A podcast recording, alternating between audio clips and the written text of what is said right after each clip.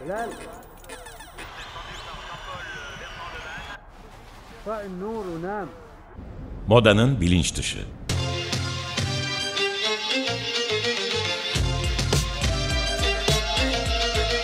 Modanın kültürel tarihi ve güncel refleksleri. Cause you woke up in the morning with initiative to move, so I make it harder. Hazırlayan ve sunan Özge Kanlı. Time has come to Push the button.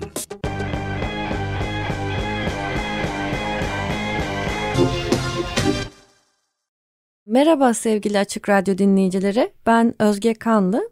Modanın bilinç dışında bu hafta markalaşma ve markalaşmanın psikodinamiği özelinde e, disiplinler arası bir sohbet edeceğiz.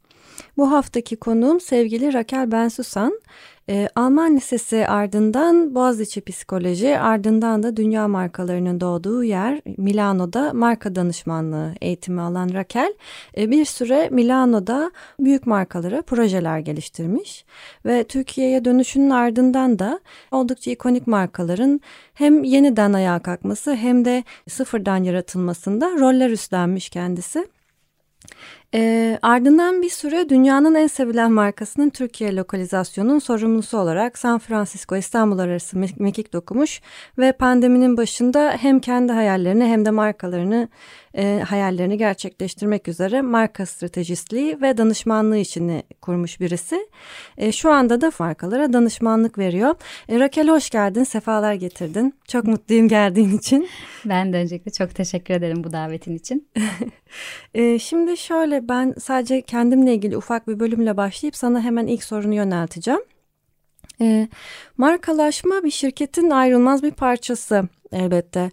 E, müşterilerin markanın adını hatırlamasına, işletmeyi bulmasını kolaylaştırmasına ve rekabette öne çıkmasına yardımcı oluyor. E, e, markalar hakkında belki biz her gün düşünmüyor olabiliriz. Ancak gerçek şu ki aslında her gün ve her an onlarla etkileşim halindeyiz.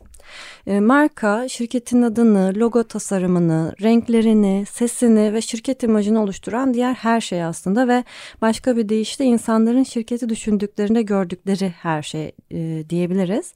İşin arkasında ve içeriğinde psikososyolojik, politik pek çok disiplin var.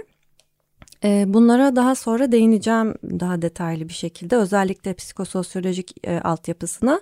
E, yaptığım ufak araştırmalara göre bu programdan önce pazarlama ve marka danışmanlığı ve tanıtım alanlarının 2022-2026 yılları arasında şu an olduğu hacminden e, yaklaşık e, yüzdelik olarak tam ne kadara denk geliyor bilmiyorum ama yaklaşık bir 4 milyar dolara yakın bir büyüme payına e, sahip olacağı öngörülüyor. Yani gün geçtikçe ihtiyacın artacağı bir alan bu, bu alanlar. E, sen yıllardır bu işin içindesin marka danışmanlığı yapıyor, stratejiler kuruyorsun. Öncelikle markalaşmak işe ilk başladığın yıllarda ne demekti, şimdi ne demek senin için? E, o günden bugüne gözden kaçmasa iyi olacağını düşündün ve bizim bilsek e, mutlu olacağımızı düşündüğün radikal farklılıklar veya değişiklikler oldu mu sence?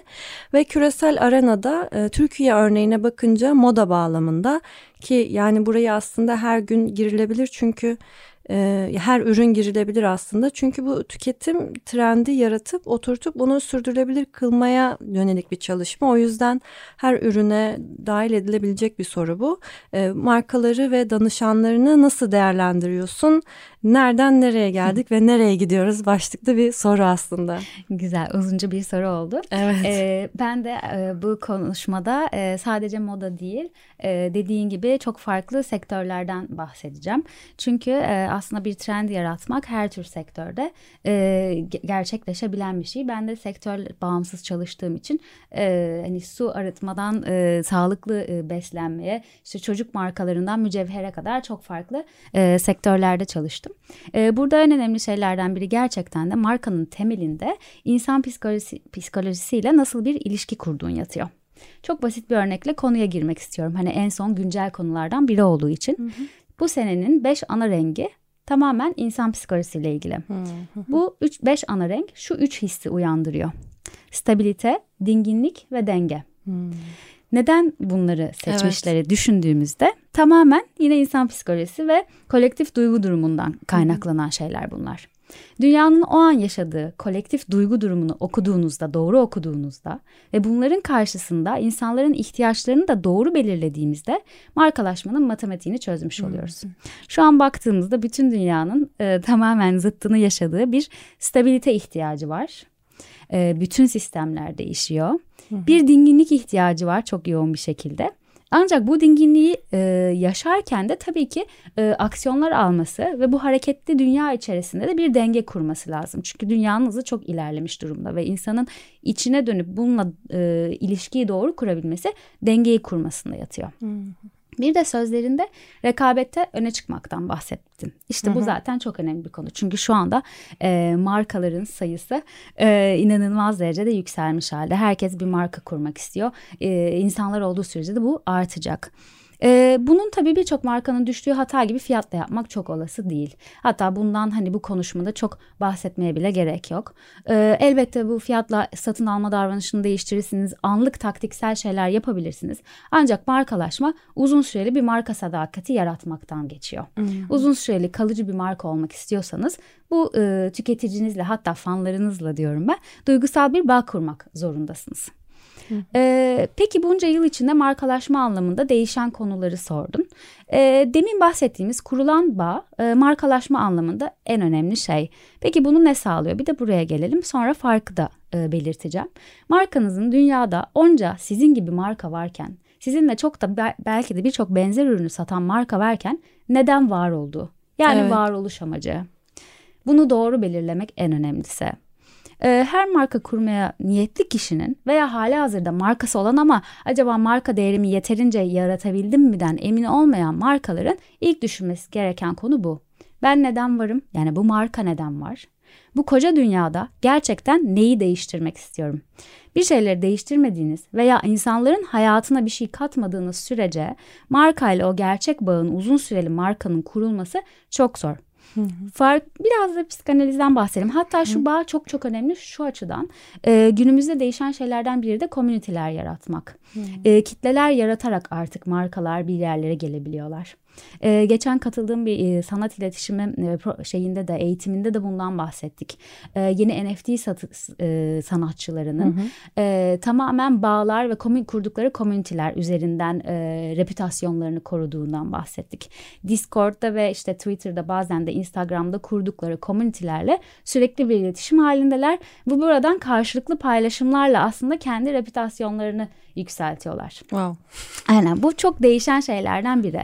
Sosyal medyanın da hayatımıza girmesiyle ki bu demin konuştuğumuz gibi hani bu konu bir anda Discord'da da çekilmiş durumda.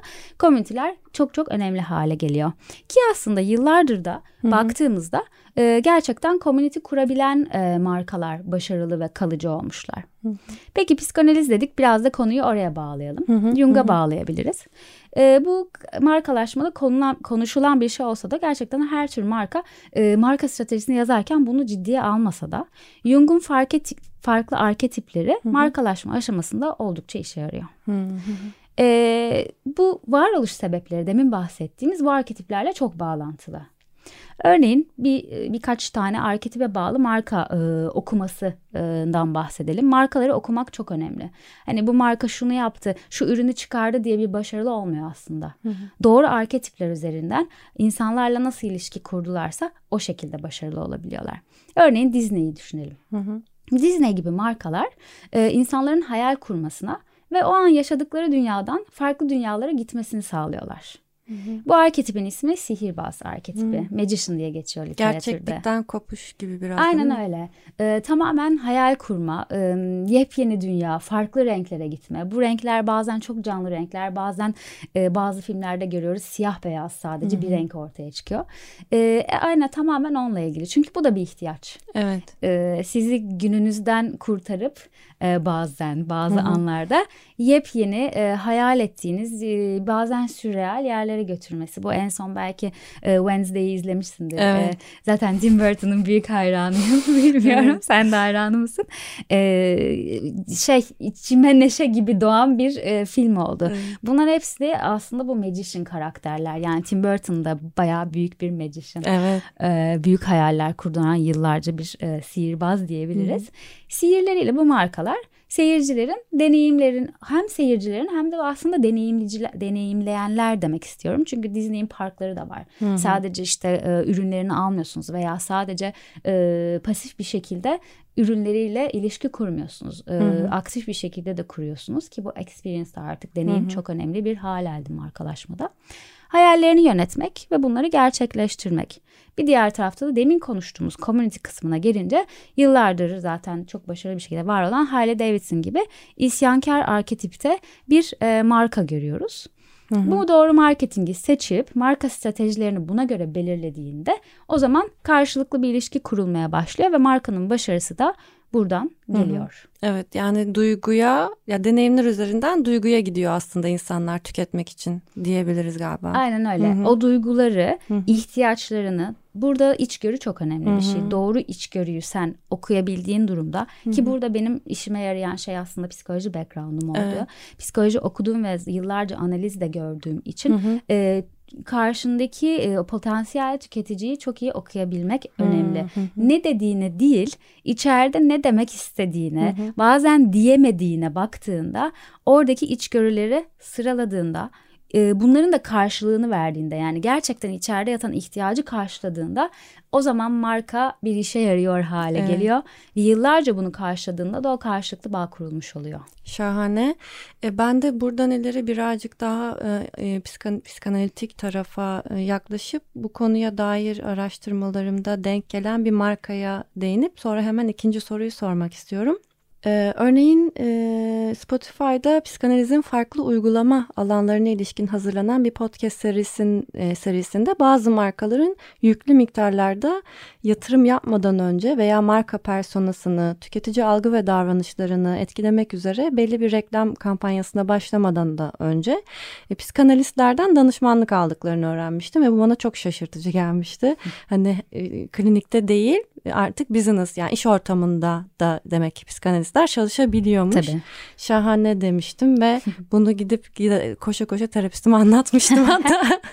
Ee, ardından e, şu şöyle bir şey gelişti. Psikanalistler dikkati şuraya da çekmek istiyorum. Yani psikologlardan, klinik psikologlardan veya psikoterapistlerden değil, psikanalistlerden bahsediyorum. Bunlar arasında da bir ayrım var.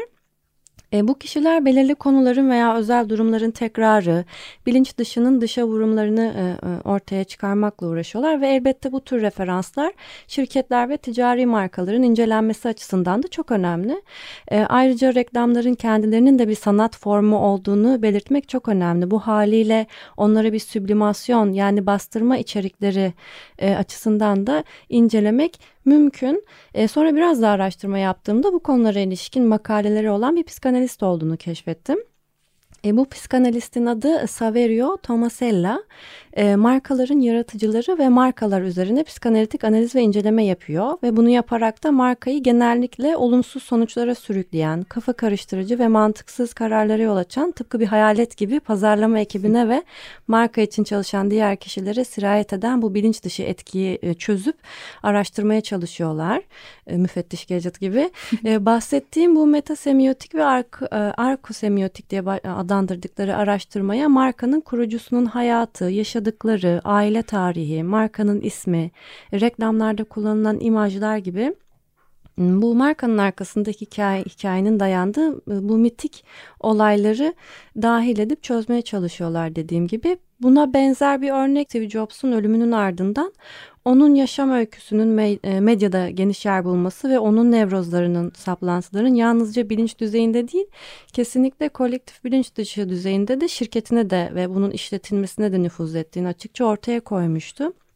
Ya da şöyle bir marka var. Şu an hani yok oldular sanırım. Tam emin değilim. 90'ların e, sonlarında parfüm ve kozmetik markası.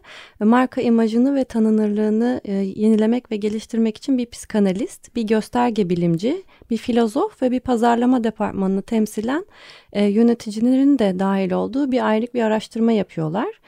E, Lancaster adının e, iki kurucu kardeşten birinin hayatını kurtaran bir bombardıman pilotu anısını İkinci Dünya Savaşı'ndan sonra e, seçtikleri ortaya çıkıyor ve marka için ortaya çıkan asıl sorun kısaca özetleyecek olursak cansızlaştırılan kadın imajlarının bir baba metaforunun eksikliği e, olarak ifade etmişler. Burada kadınlar sanki bir baba metonimi olarak kullanılan bir güneş üzerinden gizemli babanın sınırsız zevkine hizmet etmeye yönlendirilmiş gibi imajlar çiziyorlar reklam profillerinde ve kadınlar güneş altında sahte rüyalar içinde uyurken böyle teslim olmuş gibiler adeta. Kozmetikler ve bu ürünler onun pasifliğe zorlayan bir iksir görevi gibi e, yansıyor imaja. Bu Lancaster ismi de Dolayısıyla sembolik bir boşluğa gönderme yapıyor aslında. Yani bu babasız yetimler hayatları boyunca markayı erkekleştirerek ve feminenliği aslında en zavallı ifadesine belki de indirgeyerek farkında olmadan bu boşluğu doldurmaya çalışmışlar gibi bir sonuç ortaya çıkmış ve markayı dönüştürmek için belli öneriler, fikirler vermişler. İşte birazcık daha logonun yumuşaması, yuvarlaklık, yakınlık hissi için cesur renkler kullanmak gibi. E buradan bakın bakınca aslında inanılmaz bir disiplinler arası çalışma yürüttüklerini görüyoruz. E peki sen bu danışmanlık veri, bu danışmanlık verirken e, markanın, ürünlerin arkasındaki hikayeyi nelere dayanarak kuruyorsun ve bize vereceğin bazı örnekler var mı senin özelinde yaptığın stratejiler arasından? Kesinlikle var. Ee, çok güzel birkaç konuya değindin aslında. Ee, neden e, bu anlattığın hikaye bana daha çok neden e, insanların marka kurarken bir marka stratejisi yazmalarıyla ilgili e, güzel bir örnek oldu. E, markayı kurarken e, kurucular daha çok ürünlerine odaklanıyorlar ve e, bu markayı yansıtırken konu iletişime geldiğinde e, kendi background geçmişlerinden kaynaklanan bazı şeyleri e, bencelerle e, markaya yansıtmış oluyorlar. Ancak en başta bir marka stratejisi yazılsa ki bu nasıl yapılır? İşte dış etkenler, e, o ülkede gireceğiniz ülkede lansman yapacağınız ülkedeki e, rakipler, Yurt dışı benchmarklarını almak, almak her zaman çok değerlidir. Ee, daha nereye gidebileceğini görürsün ve global platformda nerede olduğunu görürsün. Ee, ve e, tabii tüketicinin demin konuştuğumuz içgörü analizleriyle birleştirdiğinde bir marka stratejisi yazıldığında bu senin pusulan olur artık. Hı hı. Yani bu mar bir ve bir markanın pusulası olmadığında da en baştan bu çalışılmadığında çok başka yerlere gider bir hal olur ve bunu ancak işte analitik bakışla biri geldiğinde veya işte e, sembolleri okuyan kişiler geldiğinde bunların nereye gittiğini gerektiğini sana baştan anlatmak zorunda kalır. Bazı hatalara e, yol açmış olursun. E, burada benim aklımda evet aynen yaptığım projelerden iki tane çok keyifli proje var. Hepsinin başında da e, stratejisinin yazılmasıyla çok başarılı oldular. E, ilki e, benim de hakikaten kariyerime başladığımda e, böyle bir e, ilk yaptığım projeydi ve ilk bize proje geldiğinde hani nasıl olacak bu falan derken hani bu markayı biz hani yeniden markalaştırmayalım kim markalaştırsın diye konuşup girdiğimiz bir projeydi. Yeni yeniden ikonlaştırılmasıydı konu. Çünkü e, bizim jenerasyonun çocukken yıkandığı hani kullan şampuanlarını kullandığı markasıyken bir sonraki jenerasyonda bu bu, bu bağ e, kopmaya başladı. Ve bu bağ tekrardan e, bu zamanın anneleriyle konuşarak, bu zamanın annelerinin e, duygularını alarak kurduğumuzda e, şöyle bir şey ortaya çıktı. E, şöyle bir içgörü, çok önemli bir içgörü çıktı. Keşke anneliğimin keyfini daha çok çıkarsaydım. Hmm. Yani o bebeklikteki yaşadıkları stresler, işte doğru yapıyor muyum gibi stresler e, diğer markaların da birazcık aslında köpürttüğü şeyler olduğunu fark hmm. ettik. Hmm. Markaların bu kadar çok işte pH level'ı böyle şu şöyle sıfır işte kimyasal vesaire elbette ki ürünlerinin iyi olması şart. Ancak e, bunun iletişimini çok abarttığında anneler üzerinde büyük bir stres yarattığını gördük. Hmm, istemeden kaçınıyorlar aslında. Evet. Alsalar da stres devam ediyor. Yani doğru yapıyor muyum? En iyisini mi aldım? İşte evet. Yurt dışından bir marka mı alsam? Buradakiler iyi mi gibi çok yoğun bir stres. Zaten oldukça çok stresli bir dönem. Ancak çocuk biraz büyüdüğünde de şey keşke biraz daha keyfini çıkarsaymışım bana. Ve buradan çıkarttığımız e, sen anneliğin keyfini çıkart. E, biz zaten zaten e, annelerin çok sevdiği bir markaydı. Yıllardır araştırmalarda bunlar çıkıyordu. Onlara biraz daha alan açmak ve çocuklarıyla keyifli, eğlenceli vakit geçirmelerini sağlayan bir marka haline getirdik. Hı hı. Ve bunun için Civciv'i yeniledik.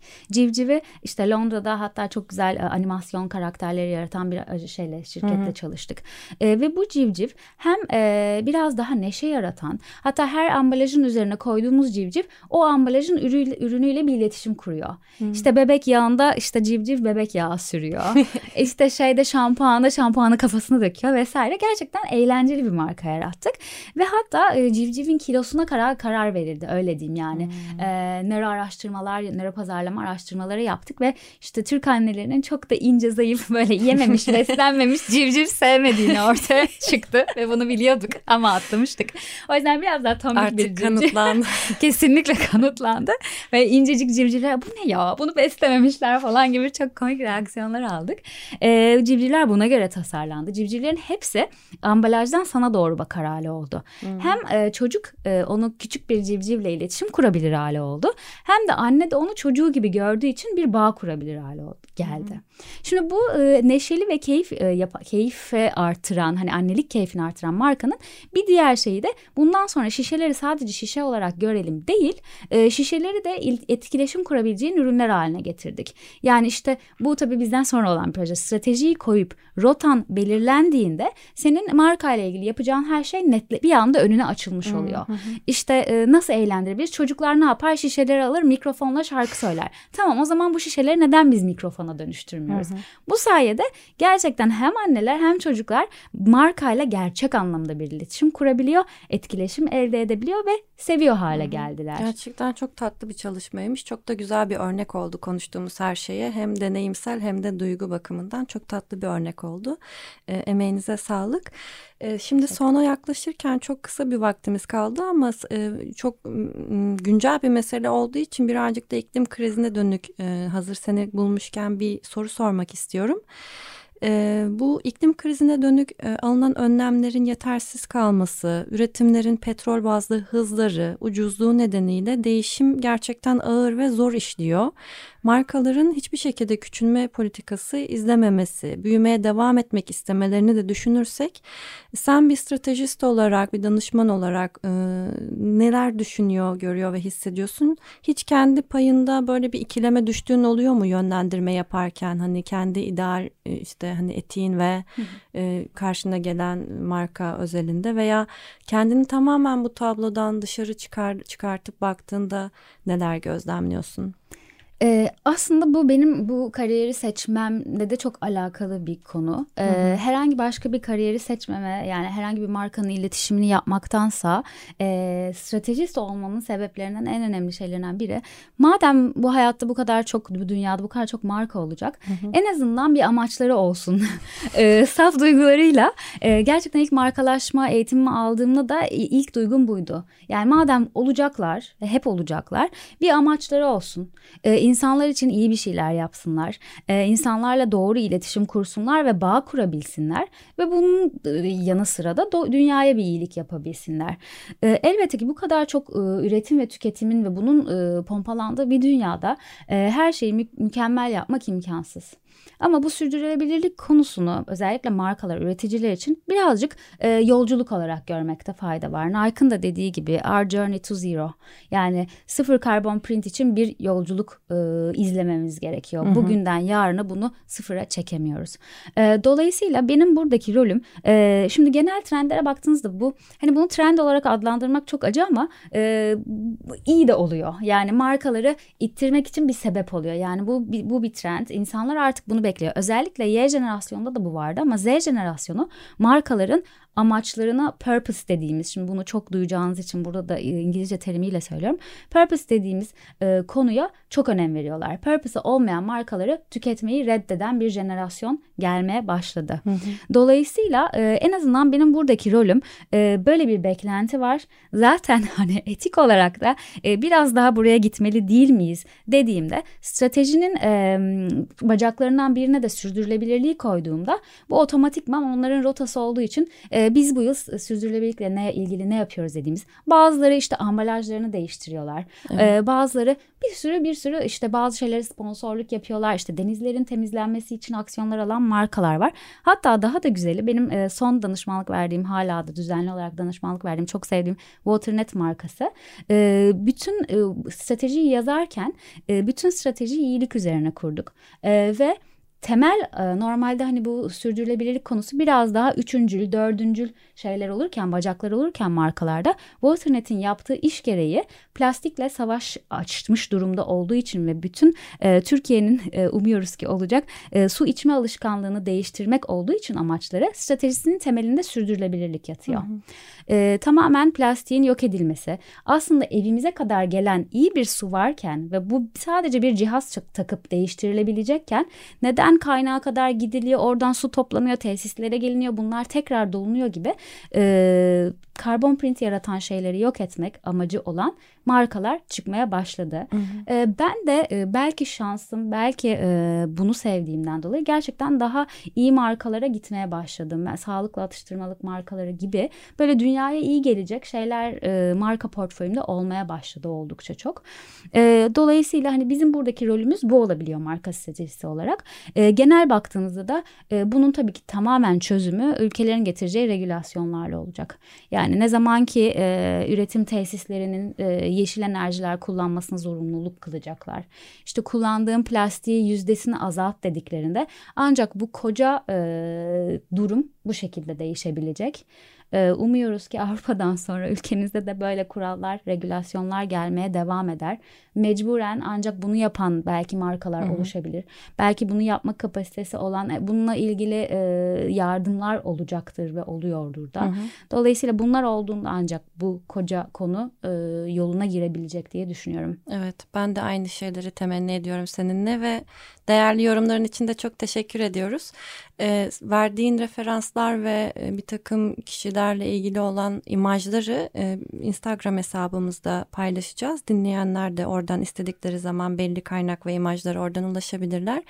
Biz Açık Radyo'ya ve müştereklerine bizi yer açtıkları için çok teşekkür ediyoruz. İki hafta sonra aynı gün ve saatte tekrar görüşmek üzere. Hoşçakalın. Çok teşekkürler, hoşçakalın.